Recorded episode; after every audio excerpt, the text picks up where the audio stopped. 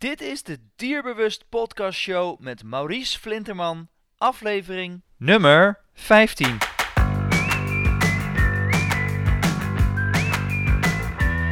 Welkom bij de Dierbewust Podcast Show, waarin je luistert naar experts die je voorzien van de beste informatie, tips en tricks op het gebied van honden. Vertoont je hond een bepaald gedrag waar je meer van wilt weten en dieper in wilt duiken? Heb je er wel eens over nagedacht dat jouw hond een spiegel is van jezelf? Misschien is het heel confronterend, maar misschien ben jij wel de reden dat jouw hond bepaalde gedragsproblemen vertoont. Daarom gaan we vandaag in gesprek met Paul. Paul Bul, Equine Assisted Coach, werkt samen met paarden om zo een proces van bewustwording bij mensen op gang te brengen.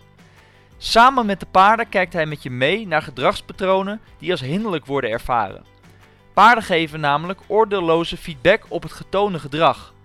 Op hun aanwijzingen en de vraagstelling van Paul word je uitgenodigd te experimenteren met ander gedrag. Hierdoor onderzoek je welk gedrag voor jezelf het beste werkt. Dit kan een radicale gedragsverandering opleveren die een positieve uitwerking heeft op jezelf en dus ook op jouw omgeving. Aan het eind van deze podcast, die echt ontzettend inspirerend is, doet Paul je nog een super aanbieding waardoor je jezelf kan tracteren op mega inzichten op het gebied van persoonlijke ontwikkeling. Ik wens je heel veel luisterplezier. Paul, Ja. eh, welkom bij, de podcast. Dankjewel. We, we hebben er al een heel gesprek op zitten. Eh, ja, ja. Heel integrerend allemaal. Eh, Maar waar we het nu even over, of waar ik het graag over zou willen hebben, is de communicatie en het vertrouwen tussen nou, jou en je hond om dat te verbeteren. Veel mensen die, ja, dat is ook een veel voorkomend probleem. Ook vorig, we hebben het er net ook eventjes over gehad. Dieren die door een eigenaar niet goed begrepen worden. Ja. En dieren die niet begrijpen wat hun eigenaar bedoelt. En als Ja. voorbeeld haalde ik daar aan dat ik in het verleden, eh, toen ik eh, een jaar of 16 was, ehm, een eh, trainer tegenkwam die heel veel ervaring had met honden. Maar die trainer Ja. zei van ja, ik ben vrij recent ben ik aangevallen s'avonds door mijn eigen hond. En ja. toen ging ik dat terughalen en dacht ik ja, hoe is het in, in hemelsnaam mogelijk dat een hond zijn eigen baas aanvalt? Dus met andere woorden, wat heeft die kerel thuis allemaal met zijn hond gedaan? Dat die hond Ja. in die staat is gekomen om dat, eh, om dat te gaan doen. Dus vandaar dat ik heel erg benieuwd naar ben. Ehm, nou ja, jij ehm, dwingt mensen om eh, dieper te kijken naar, naar hunzelf. ja. Eh, wat jouw ervaring daarmee is. Kun, je, kun je daar wat Ja. over vertellen? ja. Het woordje, ik, ik- reageer even op het woordje dwingen. Ehm, ik nodig de mensen graag uit. Dat is om, om, om, om, even wat dieper, eh, dieper naar zich, eh, even wat dieper naar zichzelf te kijken. Ehm, en dieper naar jezelf kijken, dat kan ik alleen maar uit eigen ervaring spreken. Ik ben dieper naar mijzelf gaan kijken vanaf het moment eh, dat we Teun kregen. En Teun is, Teun is de reu. We hadden Mies al. De hond hè, van jou. eh. Ja, ja, Ja. sorry. Mies. ja. Mies is een eh, Australian Shepherd. En, eh, Mies kwam, kwam bij ons en ik voerde haar op op de manier zoals ik dat kende. Ik ben de baas, jij luistert en je krijgt een aai, je krijgt een brok. en zitten, lig hier, blijf, halt, sta en zo. En, en, en de hond moet maar gewoon luisteren zo snel mogelijk. Dat was eigenlijk voor mij de, de, de manier waarop ik dat, eh, waarop ik dat kende. Zo, zo heb ik dat vroeger gedaan, zo deed mijn oom dat. Mijn, eh, een groot voorbeeld voor hoe je met, met honden om kon gaan. Ehm, en dat werkte voor een deel bij Mies. Ehm, ze heeft me regelmatig eh, volledig voor, voor, voor, voor joker laten staan. mm, Dat ik haar ging roepen en dat ze toch iets anders bleef doen en zo. En na een paar jaar eh, was het toch wel handig, vonden wij, om daar een eh, maatje bij te hebben. En toen kwam Teun.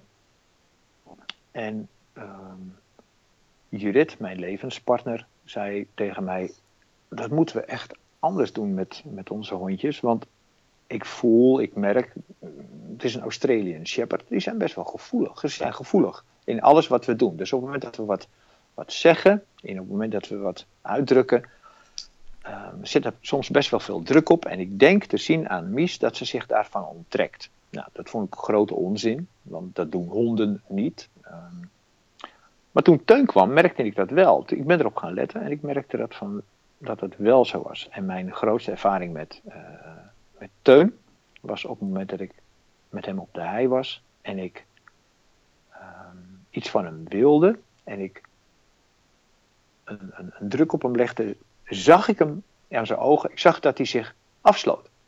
Hij was er niet meer. En daar schrok ik van. Want dat betekent dat ik dat doe. Dus mijn actie was iets waarop hij zo reageerde. En ik schrok echt, want ik dacht even dat ik mijn hondje kwijt was. Dus ik moest onmiddellijk mijn gedrag veranderen. En de beloning was er ook onmiddellijk. Doordat ik hem weer terug zag keren. Hm. En daarop ben ik gaan reflecteren. Wat, wat deed ik dan? Wat wilde ik dan van hem? En ik kon niks anders zeggen dan dat ik op dat moment gefrustreerd was dat hij mij niet begreep. Maar ik was toch duidelijk, want dit vertelde ik. En dit hadden we al zo vaak gedaan, en dit hadden we al zoveel geoefend, en dit hadden we al zo vaak. Dus was er een actie van mij die een reactie opleverde. En waar begint dat dan? En ik kon niks anders zeggen dat het bij mij begon. Het was namelijk mijn frustratie die ervoor zorgde dat die reactie uh, kwam en dat intrigeerde. En daar ben ik mee gaan werken. Uh, ik ben naar huis gegaan, tegen Judith gezegd van dat ze wel eens een heel goed punt zou kunnen hebben. En ik heb mijn gedrag daarin radicaal veranderd. Uh, niet meer van, van, van jij luistert, jij doet. Ik ben veel meer op de samenwerking gaan kijken. Veel meer gaan kijken van wat heb jij nodig van mij? En um, goh, dit is eigenlijk wel wat ik zou willen. Uh, hoe kunnen wij dat gaan doen? En daar ontstond een geweldige samenwerking uit. En het gedrag van de honden veranderde ook radicaal. En dat vond ik ook zo ongelooflijk mooi, dat de vergevingsgezindheid van die honden zo groot was. Uh, je zou ook zomaar in een, een soort van, van hè, mensen kunnen dat goed, van, van uh, dingen die 30 jaar terug uh, gebeurd zijn. Van ja, zie je wel, dat deed je toen en daar heb ik nu nog last van. Ja. Dat, dat, is helemaal niet waar. Bij, bij honden is dat niet zo. En daar had ik eigenlijk wel een soort van verwacht. Maar dat is niet. Mijn gedrag veranderde, hun gedrag dus ook onmiddellijk. En altijd vanuit een, uh, vanuit een nu, want nu, we zijn nu bezig. En ik ervoer, goed, dat is ook maar een menselijke interpretatie, een vergevingsgezindheid. En die ontroerde. En dat heb ik volgehouden. En dat maakt dat ik nu veel meer met mijn honden uh, samenwerk. Ik vraag, ik vraag dingen aan ze. Dus ik, ik, ga ook, nou ja goed, in overleg is dan bijna, dat is dan het grote woord. Ik heb nu, we hebben nu vier honden. Teun is mijn uh, roedelleider. Uh, het is de roedel van Teun. En ik ben de baas. Dus eigenlijk zou ik, wil zeggen, ik ben de directeur van het, van het hele spulletje. En Teun is mijn CEO. Hij voert, uh, hij voert uit. En zijn beslissingen respecteer ik altijd. Dus wat hij doet, hij heeft het gezien. Hij corrigeert. Hij voedt op. Hij is van de knuffels en van de aaien. Um, we hebben een nestje thuis gehad. En zoals hij de pups opvoedde, dat was werkelijk fantastisch. In één beweging zien dat hij één pup corrigeerde, een andere twee uit elkaar haalde en in dezelfde beweging de vierde pup uh, een knuffel gaf. In één beweging. Hm. En dat werd allemaal, uh, dat werd allemaal begrepen. Hey, en Paul, om, eh, om je heel even te onderbreken, want daar hadden we het ja. net in het gesprek ook eventjes over. Um, ik ja. weet dat bij Roedel Leider bij heel veel uh, uh, hondentrainers ook de nekharen omhoog gaan. Hè? Want het is ja. natuurlijk zo ja. dat uh, ja. het roedelleider, heel veel mensen het beeld krijgen of hebben dat één de baas is en de ander die staat daaronder, zeg maar. Ja. dat heb je net heel mooi uitgelegd. Kun je dat nog iets beter toelichten? Hoe jij dat, hoe jij dat roedelleider dan bedoelt? Ja, roedelleider is, uh, het is maar een woord, hè, roedelleider. En dan weten we waar we het over hebben. En misschien zou daar een ander woord voor kunnen, kunnen zijn. En CEO is dan ook maar een woord. Um, als ik het systemisch ga benaderen, is er een ordening. Um, er is een ordening in eigenlijk alles wat we om ons heen zien. En dat begint al, begint al uh, bij ons gezin vader, moeder, oudste kind, middelste kind, jongste kind. En die ordening is er altijd. En in een roedel is die er ook. Er is een ordening. En iedere, iedere hond heeft in die ordening zijn eigen specifieke uh, kwaliteiten. En in die ordening weet iedere hond ook precies waar die staat. In een uitgebalanceerde roedel zul je dat terugzien. In rustig kalm gedrag. Ehm, iedere hond weet dan uh, waar hij staat. Maar nog veel belangrijker, hij weet ook wat zijn eigen specifieke taak binnen de roedel is. Ehm, ik heb bijvoorbeeld een, een, een, hondje die is verschrikkelijk goed in walnoten zoeken. Dat is, uh, we hebben een walnotenboom in de tuin en daar is hij heel erg goed in. En neemt de rest van de hondjes die ook van walnoten houden, neemt zij mee. Hier liggen ze, hier liggen ze, hier liggen ze. En dan gaan ze met z'n allen walnoten eten. Ehm, ik heb een hondje bij. Die is enorm goed in het aanvoelen van, uh, van emoties bij mensen.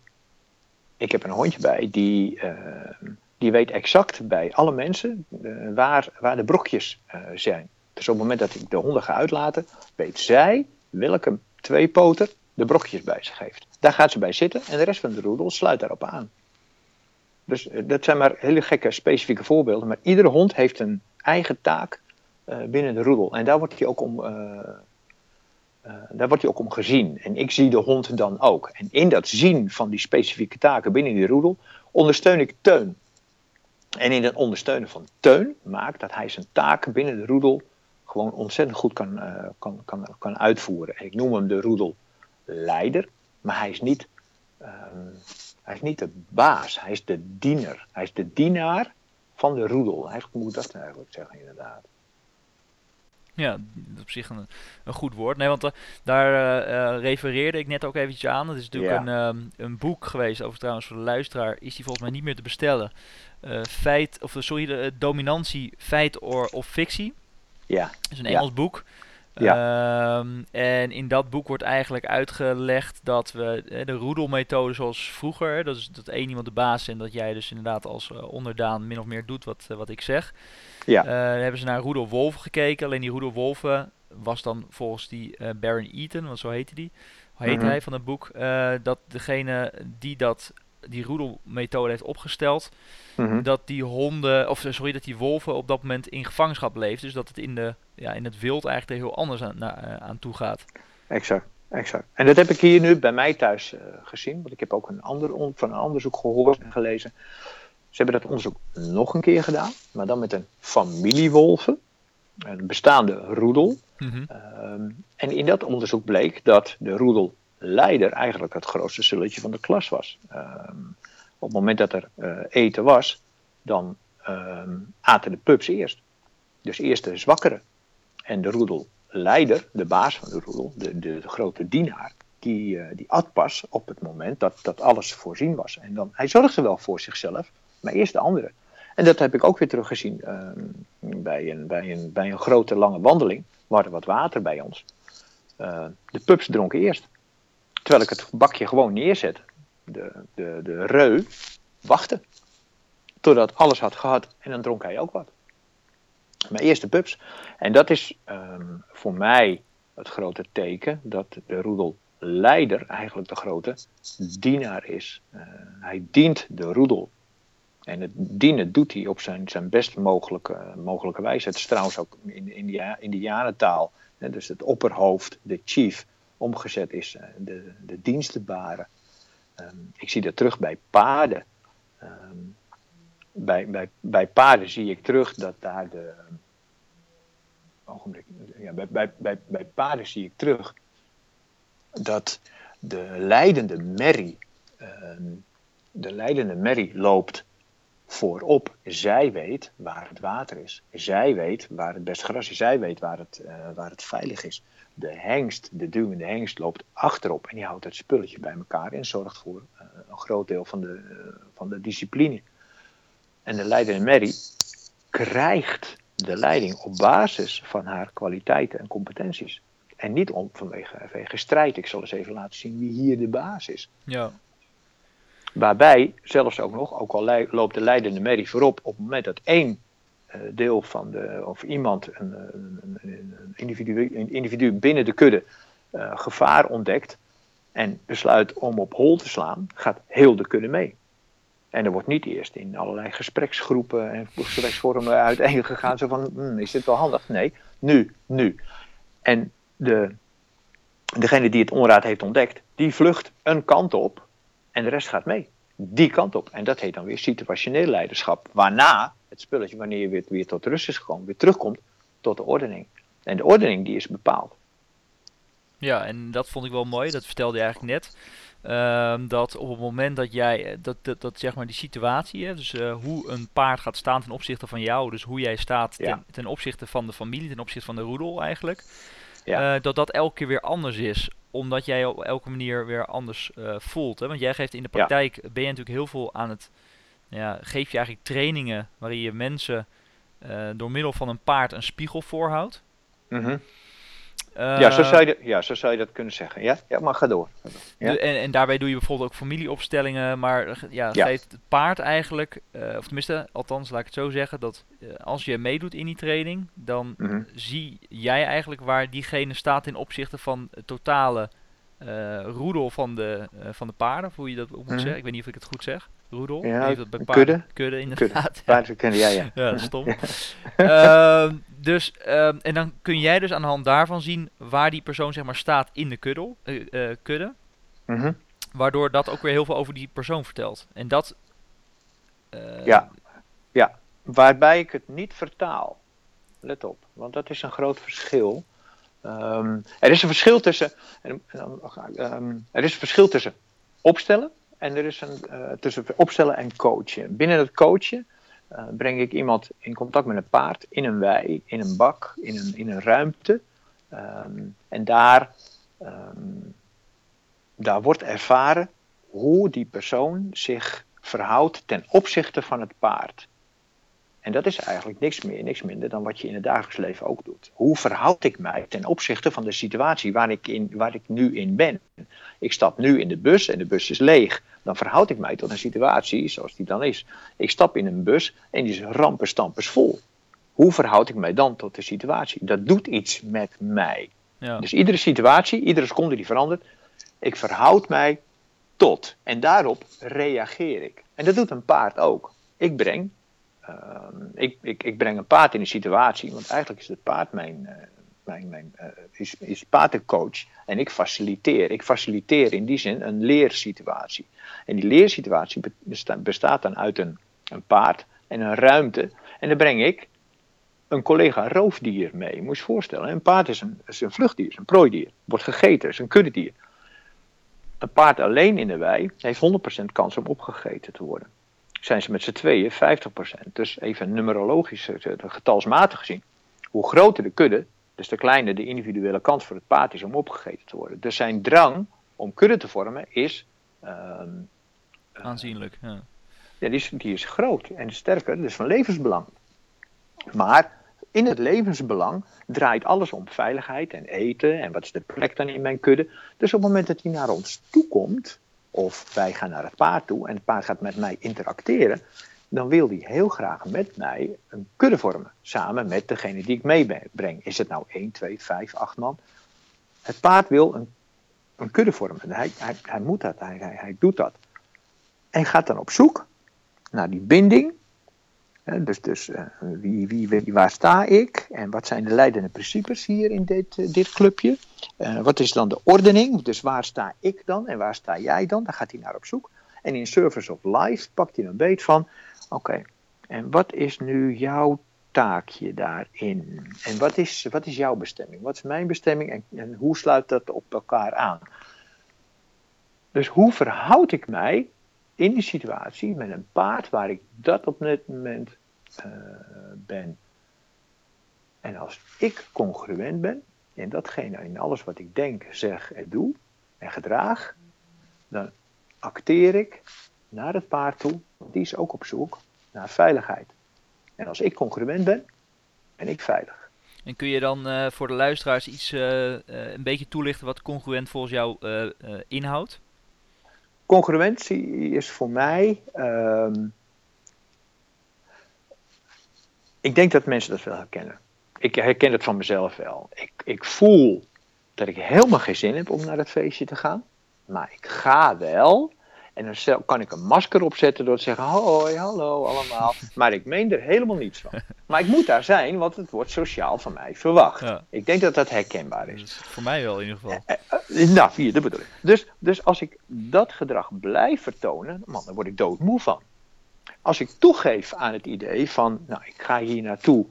Um, nou, laat ik dan maar. Dan ga ik al meer congruent daarin zijn. Dus, dus mijn, mijn handelen mijn denken, mijn voelen en mijn, hè, dus mijn doen, dat komt meer met elkaar in één lijn. Een paard kan niet anders. Een paard is paard, doet paard, denkt paard, voelt paard. Dus een paard is congruent.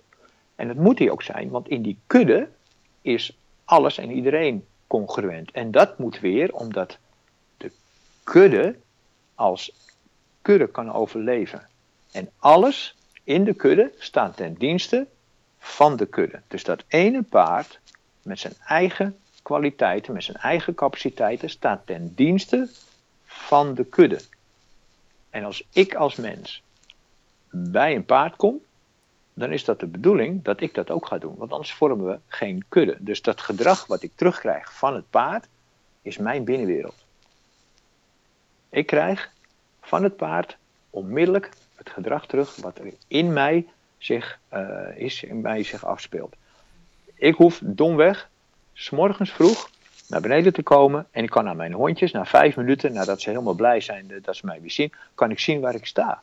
En of ik nou ook op de hei loop, als ze wild om zich heen lopen en ik denk, wat is er toch met die beestjes aan de hand? En ik ga in mijzelf kijken, dan zie ik niks meer, niks minder dan de reflectie van mijn binnenwereld terug, uh, terug in de honden. En dan kan ik daar wat aan doen. Ik kan inderdaad roepen tegen een hond dat ze heel rustig moeten worden.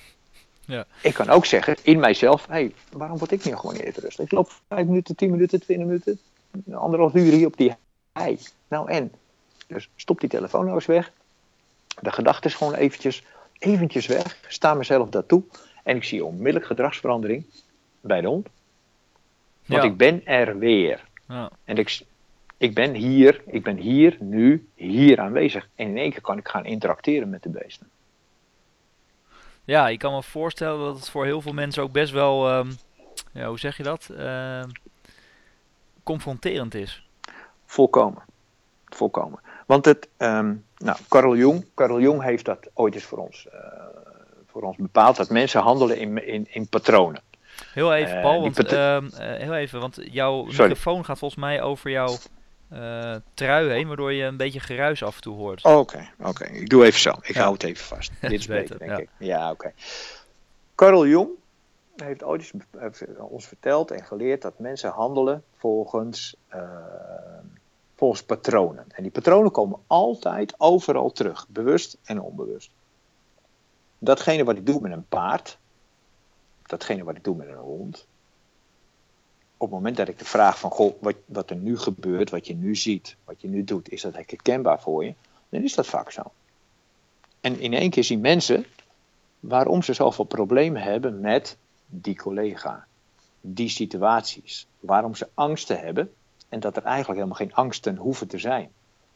Um, dus het, het geconfronteerd worden met het eigen gedrag en het zicht hebben in één keer het is eigenlijk jezelf domweg zien in, die, uh, in dat paard. Ja, dat kan heel confronterend zijn, ja, inderdaad. Ja, ja absoluut. Omdat je dan natuurlijk uh, misschien wel uh, gedrag ervaart. Hè? Ja. Zeker als jouw hond inderdaad aan het jagen is en je wordt er onrustig van. Of je bent eigenlijk ja. onrustig, daarvoor gaat je hond jagen. We hadden ja. het even over. Ja. Ja, dan, dan zegt dat misschien iets over jou wat je eigenlijk helemaal niet wilt zijn. Maar, dat, maar wie je toch bent. Wie je toch bent en je acteert er ook naar. Ja. Dus, dus, dus zie je gedrag terug van jezelf, wat je helemaal niet zo heel erg leuk vond, vindt. Maar als, als je zover bent dat je dus bij een coach bent die met paarden werkt, in dit geval bij mij bent, dan ben je ook zover om daar eens naar te gaan kijken, omdat je er nou, last van hebt, is dan misschien een groot woord, maar er is, er is een wens tot gedragsverandering aanwezig. En die gedragsverandering, die kan worden ingezet door in therapie te gaan of bij een coach te gaan zitten. Of je doet dat met een paard. Je doet het met een beest, omdat je daar oordeelloze feedback krijgt. En omdat ik dan kan, uh, kan experimenteren met nieuw gedrag, ik dus ook onmiddellijk nieuw gedrag van het paard terugkrijg. En die is altijd eerlijk, zonder ruis, oordeelloos. Dus ik doe A, ik krijg een gedrag terug. Ik doe, weet je wat, ik ga dan wat anders doen. Dan krijg ik ook onmiddellijk ander gedrag. En niet vanuit een, nou zie je wel, dus vanuit, vanuit een haat en vanuit, vanuit net deze stom, nou doe, nou doe ik het niet meer. Dat is het menselijke gedrag. Dieren kunnen dat niet. Dieren leven nu, deze seconde, nu, weer nu. En weer nu. En iedere situatie is, uh, is anders. En dat moeten ze wel. Maar ze willen heel graag overleven. En zij overleven door continu hun omgeving te scannen. En die is iedere seconde nieuw. En, um, want zijn er dan ook mensen, ik kan me voorstellen dat mensen uh, dan uiteindelijk, er gebeurt iets, jij staat erbij, uh, jij zegt niks. Um, ze vinden het confronterend en uiteindelijk besluiten ze dan toch om te zeggen, ja nee, maar dit is niks voor mij. Ja, dat kan. Ja, dat kan. En dan, dan vraag ik daar ook naar. Wat, wat, wat gebeurt er dan? Wat, wat maakt dat? En, en heel gauw komen er al snel op dat de confrontatie met het uh, eigen gedrag zo groot is. Um, dat, dat dat maakt zo van ja, maar dit is niks van mij. Dus in feite is het dan weer alweer een dubbele ontkenning. Dus datgene wat, ik, wat, wat gezien wordt, uh, dat, wil niet, dat moet niet gezien worden. Om het daarna ook nog een keer, uh, nog een keer te zeggen. Maar ik heb dat eigenlijk nog nooit meegemaakt. Anders dan van, goh, dit, dit vind ik spannend, dit vind ik eng, dit is wel heel confronterend. Maar eigenlijk niet het zinnetje erachter, nee, dit is niks voor mij. Oké. Okay. Nee, nee, want daarin er kwam, er komt namelijk nieuwsgierigheid. Want in het erkennen van, oh, dit is wel heel erg confronterend voor mij, ontstaat congruentie. Ja. Want ik, ik geef dan namelijk uiting aan mijn innerlijke gevoel. En uitgegeven aan het innerlijke gevoel geeft ook een fysieke reactie. En gek genoeg zie ik dan onmiddellijk weer de reactie terug van de paarden. En die is altijd oordeelloos. En daarin uh, kan iemand dan ook weer groeien, omdat de confrontatie dan ook zo groot is, de, omdat er een angst zit op oordeel. Maar dat oordeel komt maar niet. Dat oordeel komt maar niet. Het, het paard straft niet.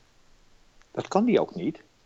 Want die straft namelijk op datgene wat, wat er ge, wat gedaan is. Ja, maar dat was, was 30 seconden geleden en daar leeft hij niet meer. Ja. Dus, dus het oordeel komt maar niet. En daarin ontstaat dan de vrijheid om het gedrag toe te laten. Het gedrag van, hé verdorie, heb ik dit altijd zo gedaan? Om dat toe te laten. En dat is eerlijk zijn naar jezelf. Want ik wil heel graag wat veranderen in mijzelf, want ik heb er last van. Ik heb last van mijn patronen. Ik heb last van bij beperkende overtuigingen. En dat merk ik en dat voel ik. En ik wil het heel graag anders. Ja. En paard is daarin een, een waanzinnig instrument om dat tegen te komen. Dat te erkennen. Of eigenlijk eerst herkennen. Dan te erkennen. Te experimenteren met nieuw gedrag.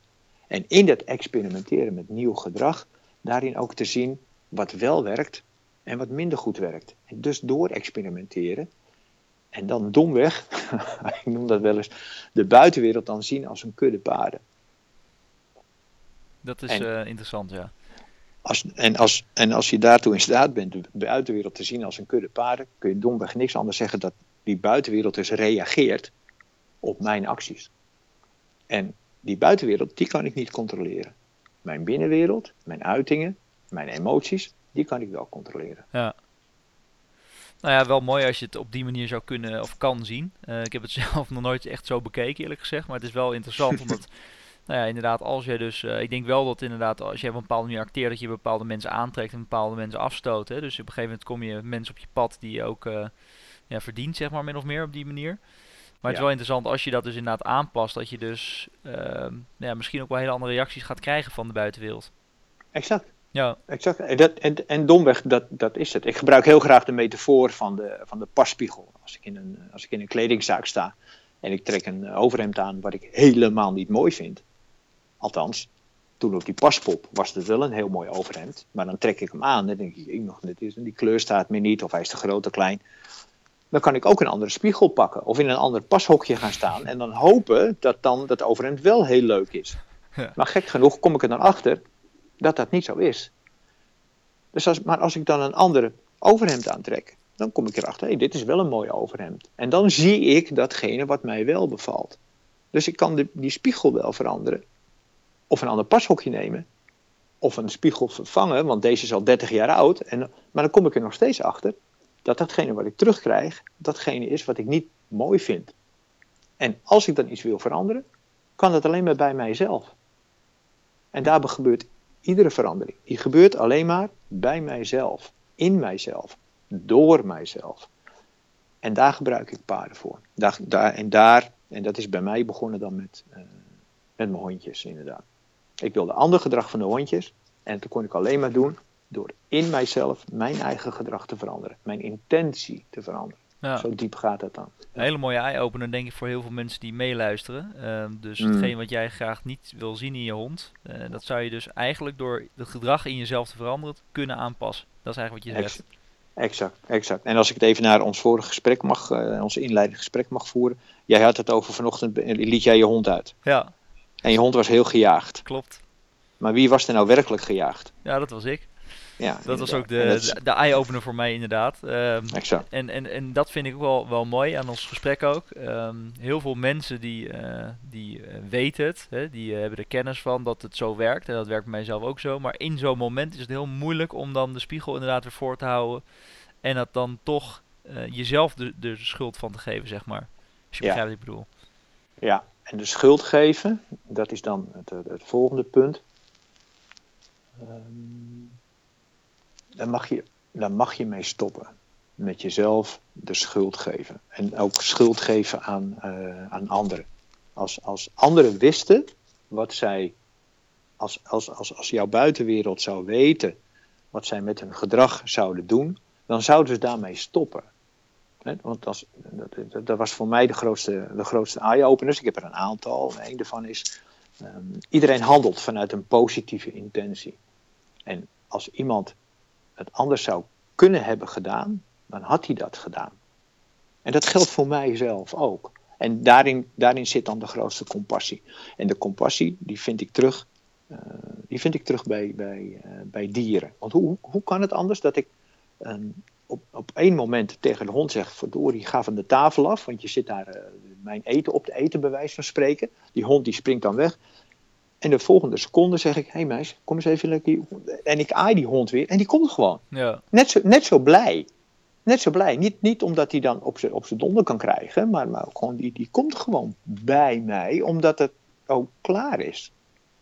En de hond snapt dat hij dat gedrag niet moet gaan, uh, niet, niet moet gaan vertonen. Omdat ik dat niet, bij, niet fijn vind. Het draagt, niet, het draagt niet bij in de roedel. Ik kan alleen maar zien in die hond van. Hmm, zou ik iets aan mijn voedingspatroon moeten gaan doen, want blijkbaar is dat nodig. En zo zie ik de hond. En zo zie ik de honden iedere keer weer terug. En zo zie ik de paarden ook terug. Wat heeft mijn roedel, wat heeft mijn kudde van mij nodig? Wat kan ik bijdragen om dit geheel beter te maken? Ja. Nou ja, mooie, mooie gedachte in ieder geval, denk ik. Mm. Vind mm. ik in ieder geval. Um, en als je dan traint hè, met, uh, met mensen, uh, of mm -hmm. ja, traint klinkt misschien weer wat, uh, wat, wat negatief, maar je bent in ieder geval tussen mensen en, en die paarden dan bezig. Dan krijgen ja. mensen bepaalde inzichten. Ja. Maar ik kan me ook voorstellen dat dat zoveel vragen oproept dat jij mensen zeg maar ook een soort van ondersteuning geeft. Een soort van basisregels van nou ja, als je het zus of zo zou doen. Of, nee. of doe je dat niet? Nee, Nee, nee, nee, nee, nee. Nee, dat is het. Uh, dat klinkt dan heel gemeen. Ik breng mensen uh, in, een, in een leersituatie. En ik ben benieuwd naar de, uh, naar de oplossingen van de mensen. Weet je, om, om in de problemen terecht te komen, daar heb je mij nooit voor nodig gehad. Dat, dat ben je al, dat kun je heel goed zelf. Daar ben je erg goed in. Dat is een prachtige kwaliteit. Maar het eruit komen, dat zijn de oplossingen die je zelf verzint. En daar ga ik ook vanuit dat iedereen in staat is uh, om met zijn eigenste kwaliteiten ook weer uh, daaruit te komen waar hij zelf in is gekomen. Dat kan iedereen. Um, en, en dan is het handig misschien om dan een keertje uh, iemand mee te, te, hebben die zegt van joh, kijk daar eens naar, kijk daar eens naar. Of, um, of, of in een situatie gebracht te worden waarin er een leersituatie ontstaat maar misschien is stilte en kijken naar de situatie al voldoende om een veranderproces op gang te brengen. Want dat is eigenlijk niks meer dan dat ik graag doe. Een, een, een proces op gang te brengen van bewustwording. Ehm, en ik noem dat ook populair gezegd. En, ik, ik, ik kom met je smoel uit het trauma en ga, en ga kijken. Ja, en heb gewoon eens drie seconden de moed en de rust om eens te kijken wat voor situatie is het eigenlijk. En om dan pas te reageren. Ehm, en dat gebeurt. En dat gebeurt met paarden. En daar heb ik een aantal vragen bij. Uh, vragen bijvoorbeeld als: Goh, wat zie je? Wat gebeurt hier voor jou? Dus ik werk heel graag met uh, uh, metaforen, met fenomenen. Dus dat, dat heet dan fenomenologisch. Um, een, manier van, van, van, van kijken. En alles wat er gebeurt, alles wat daar voor mij gebeurt, is datgene wat er is zich in mijn binnenwereld afspeelt. Dus ik kan mijn verhalen kan ik, uh, kan ik maken. En daarin, in die verhalen, worden woorden gebruikt. En in die woorden herken ik patronen. En die patronen, die geef ik aan jou terug. Dus wat ik hoor, geef ik aan jou terug. Niet met andere woorden. Um, en dat geef ik zo zuiver mogelijk terug. Paarden geven namelijk het gedrag ook zuiver terug. Dus ik pas mij aan aan de paarden. En ik vraag aan jou wat jij ziet in de paarden en het gedrag. Wat zie jij daar? Wat gebeurt daar voor jou? Herken je dit in je dagelijks leven, bij je werk, bij je familie? En dat wordt heel vaak herkend. En dat is de grote confrontatie. Dat wat gezien en herkend wordt, daar en in het dagelijks leven, maakt het dat in één keer de verhouding wordt gezien. En dan wordt ook uh, vaak gezien wat, uh, wat er nodig is. En dan wordt er ook in één keer gekeken naar, uh, naar verdrieten, maar ook naar overwinningen. En dat maakt dat het confronteert, ja. Ja, en dan zul je waarschijnlijk ook vaak nou ja, dat is eigenlijk een, onover, of een overbodige vraag. Dan, dan komt waarschijnlijk het, het, uh, het gedeelte angst bij mensen. Dat is waarschijnlijk iets wat uh, nou, veelvuldig voorkomt. Gewoon de angst om iets wel of niet te kunnen. De grootste angst die ik heb meegemaakt is degene die voor de wei staat. deze mevrouw stond voor de wei en die zegt: Ik heb een ongelofelijke angst voor paarden.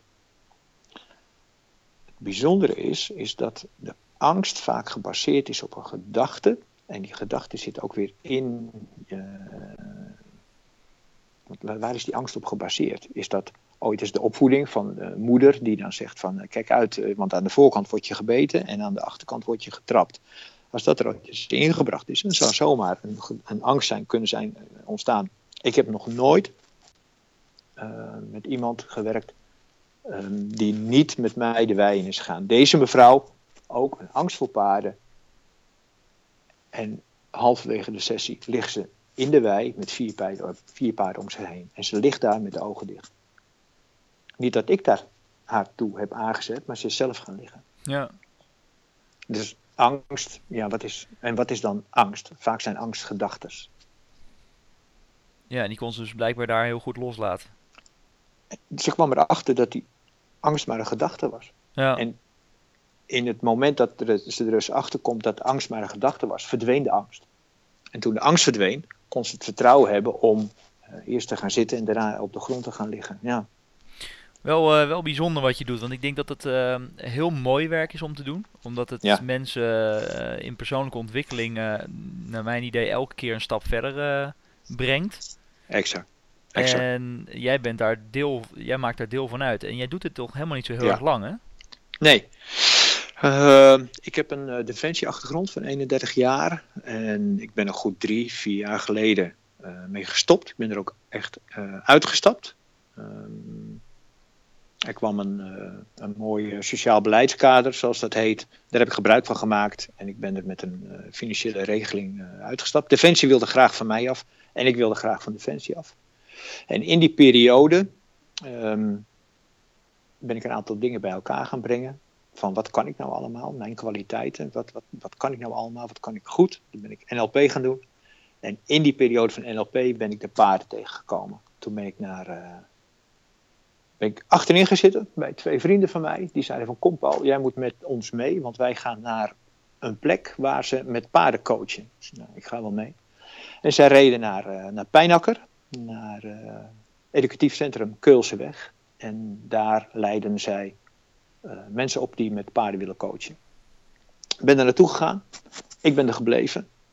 En ik, inmiddels heb ik mij aangesloten daar als, ben ik daar werkzaam als, als docent.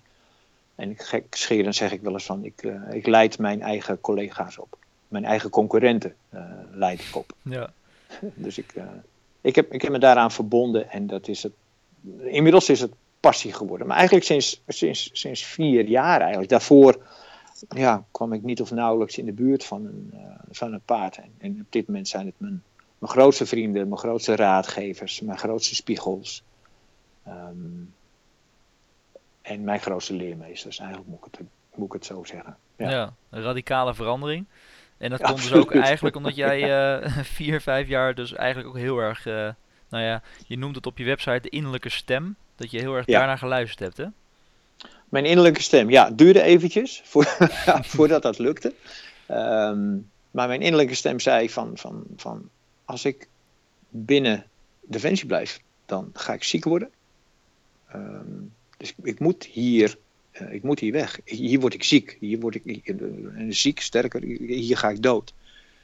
Um, dus ik moest daarnaar luisteren. En nou was ik al enigszins, nu was ik al op het, op het spirituele pad uh, terechtgekomen via mijn, via mijn vriendin. En is mijn spirituele leermeester Sri Vasudeva.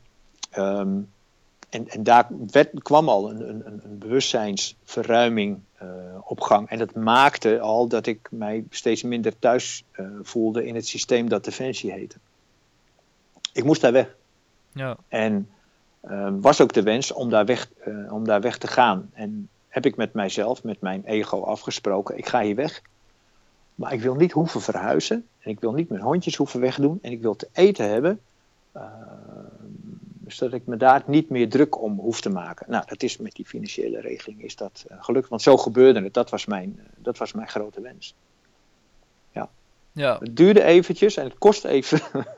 ik moest het, het, het, ja, de moed opbrengen om daar naar die innerlijke stem te luisteren. Naar die innerlijke leider. Die, die, ja. Ik heb het gedaan. Um, en, en, en dat is in het begin best lastig geweest, want de mind neemt het iedere keer over. Maar het vertrouwen hebben dat datgene wat op mijn pad komt, precies de bedoeling is.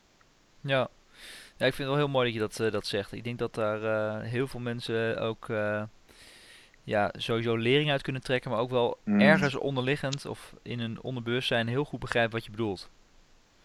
Dus. Ja, heb vertrouwen. Er wordt, wordt voor je gezorgd. Datgene wat wat naar mij toe komt. Iedere situatie waar ik in terecht kom, is een situatie die, uh, die blijkbaar nodig is. Blijkbaar. Het is de bedoeling. En ik mag het vertrouwen hebben dat ik ook weer uit deze situatie kom met mijn uh, kwaliteiten. Op het moment dat ik ga afwijzen, op het moment dat ik een andere spiegel ga kiezen, op het moment dat ik in een ander pashokje ga staan, dan ben ik mijzelf mee, daarmee aan het bemoeien. En in het bemoeien zet ik de mind in. Daar heb ik daar gedachten over, heb ik er een oordeel over. En, daarin, en, en, dat maakt, en dat maakt het allemaal verwarrend. Want dan ga ik oordelen. Dit wel, dit niet. Dan ga ik ermee zitten. Terwijl als ik mij overgeef aan de situatie, het laat komen zoals het komt. En daarin acteer, en dan iedere keer weer kijk van hoe verhoud ik mij in deze situatie, dan kan ik emoties loslaten, kan ik herinneringen loslaten. En dan kan ik ook zien dat alles wat ik, aan het, wat ik eigenlijk aan het doen ben, um, um, gebaseerd is op ervaringen uit het verleden. En die ervaringen uit het verleden, die zijn niet erg, maar ik kan kiezen. En dat is mijn grootste overwinning geweest. Ik kan kiezen. Ik heb altijd een keuze of ik dan bewust aan het. Um, of ik dan.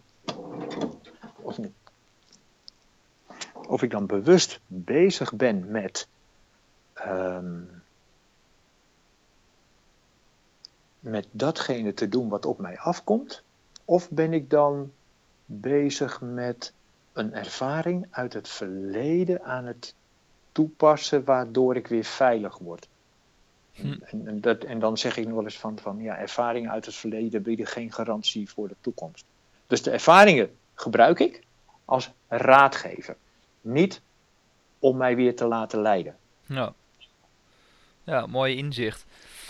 Mooi, uh, mooi inzicht, zeker. En ehm, als we het dan over inzichten hebben, um, dan daar ben ik wel benieuwd naar. Uh, jij geeft natuurlijk heel veel mensen inzichten. Als je dan kijkt naar, uh, naar hondenliefhebbers. Um, mm-hmm. nou ja, hondenliefhebbers die zijn ook vaak heel erg zoekende. Wat is nou goed? Nou, ik denk dat je uiteindelijk, dat zeg ik ook altijd in mijn andere podcast, heel goed naar jezelf moet luisteren. Heb vertrouwen in jezelf dat jij het goed gaat doen voor je dier. Hè? Zeker wat jij zegt als je de goede intenties hebt.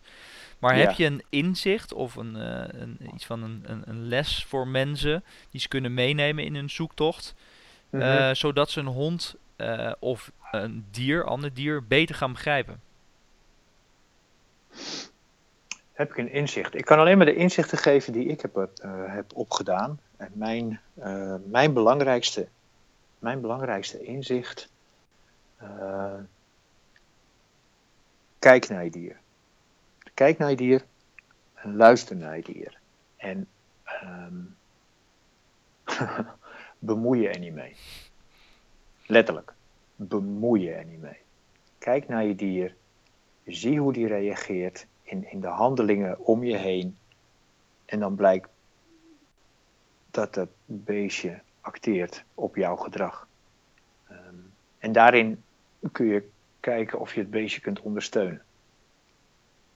Um, wees dienstbaar. Wees dienstbaar naar jouw roedel. Wees dienstbaar naar jouw beestjes. Wat hebben zij nodig? Wat hebben zij nodig van mij? Zij hebben er niet voor gekozen, bij wijze van spreken, om bij mij te leven. Ik heb ze in huis gehaald. Dus ik ben verantwoordelijk voor ze. En ik kan ze heel goed voeden. En dat doe ik dan. Ik geef ze het beste voer. En ik ga drie keer per dag ga ik, uh, ga ik met ze uit. En ik ga naar de dierenarts regelmatig en ik verzorg ze goed. En toch worden ze ziek. Wat is dat?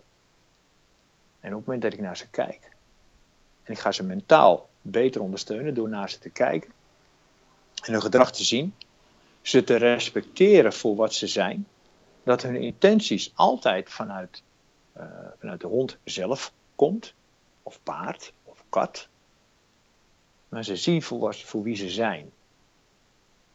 Dan is het daar denk ik de, ook niet alleen de grootste eh, over, uh, inzichting, ook de grootste overwinning.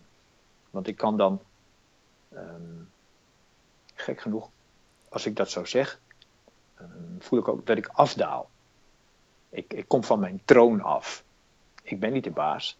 Ja, ik ben wel de baas, maar ik zoek de samenwerking. Ik zoek de samenwerking met, met, uh, met, mijn, met mijn dieren. En als we dat nou met z'n allen zo op die, deze manier kunnen doen, heb ik er niet zoveel werk aan om, om jullie allemaal te sturen. En vinden jullie het vast een stuk fijner om met mij te zijn. Dus het is domweg samenwerken. Ja. Zie, de hond, zie de hond voor wie of wat hij is. Zie het als een familie, zie het als een team. En dan uh, ga je eigenlijk weer terug naar wat je in het begin zei van... Uh, ik heb, uh, mijn hond geef ik inderdaad een taak. Die mag een taak ja. uitvoeren. Die is de CEO van mijn bedrijf. Ja. Ja, Teun, is, Teun is de CEO van de roedel, inderdaad. Ja, ja. Maar die, die taak die heeft hij. En, die, die, die, en ik ondersteun hem. Ik ondersteun hem, he, ik ondersteun hem in die, in die taak. Ja. En dat is het meest belangrijke. Zie mijn hond, respect, ik, ik respecteer, voor wat hij, ik respecteer, respecteer hem voor wat hij is. Ja. Ja. ja, mooi. Ja. En, en Paul, um, voordat we gaan afsluiten, um, ik kan me voorstellen dat, uh, tenminste dat geldt voor mij, ik, ik ga absoluut uh, ga ik bij jou langskomen, dat hebben we ook al afgesproken. Ik kan me voorstellen dat Leuk. mensen geïnteresseerd zijn om ja, toch dat inzicht voor zichzelf te krijgen, of in ieder geval gewoon eens bij jou langs te komen om, om zo'n ja. kennismaking te maken met, ja. een, met een paard. -hmm. Daar heb jij nog iets moois voor. Ja, um, mensen mogen met, via jou, via jou of rechtstreeks uh, naar mij uh, mailen. Maar via jou is dat het misschien wel het meest handig. Um, en ze refereren naar de podcast en ze zijn nieuwsgierig naar datgene wat een, een, sessie met de paarden kan, kan opleveren. Dan heb ik de aanbieding dat we een, eh, een kennismaking doen en een sessie. Dat zijn twee losse, twee losse evenementen.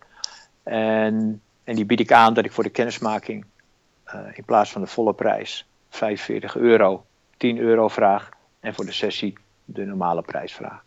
En dat is 95 euro, hè, geloof ik. En die is, vijf, die is, ja, die is, normaal, die is, die is 95 euro, ja, ja. inderdaad. Dus nu ja. heb je twee sessies voor 105 euro, terwijl je normaal gesproken 140 euro kwijt zou zijn. Exact, exact. Nou, hele, hele mooie aanbieding, denk ik. Ik denk dat er absoluut wel mensen voor, voor openstaan. En even voor mijn beeldvorming, want is een kennismakingsgesprek en een losse sessie, is dat, dat is los van elkaar, neem ik aan. Hè? Dat is gewoon twee keer.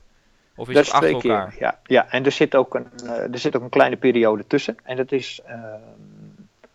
ik heb inmiddels de ervaring dat dat handig is. Omdat in een kennismaking. goh, wij moeten ook even aan elkaar wennen.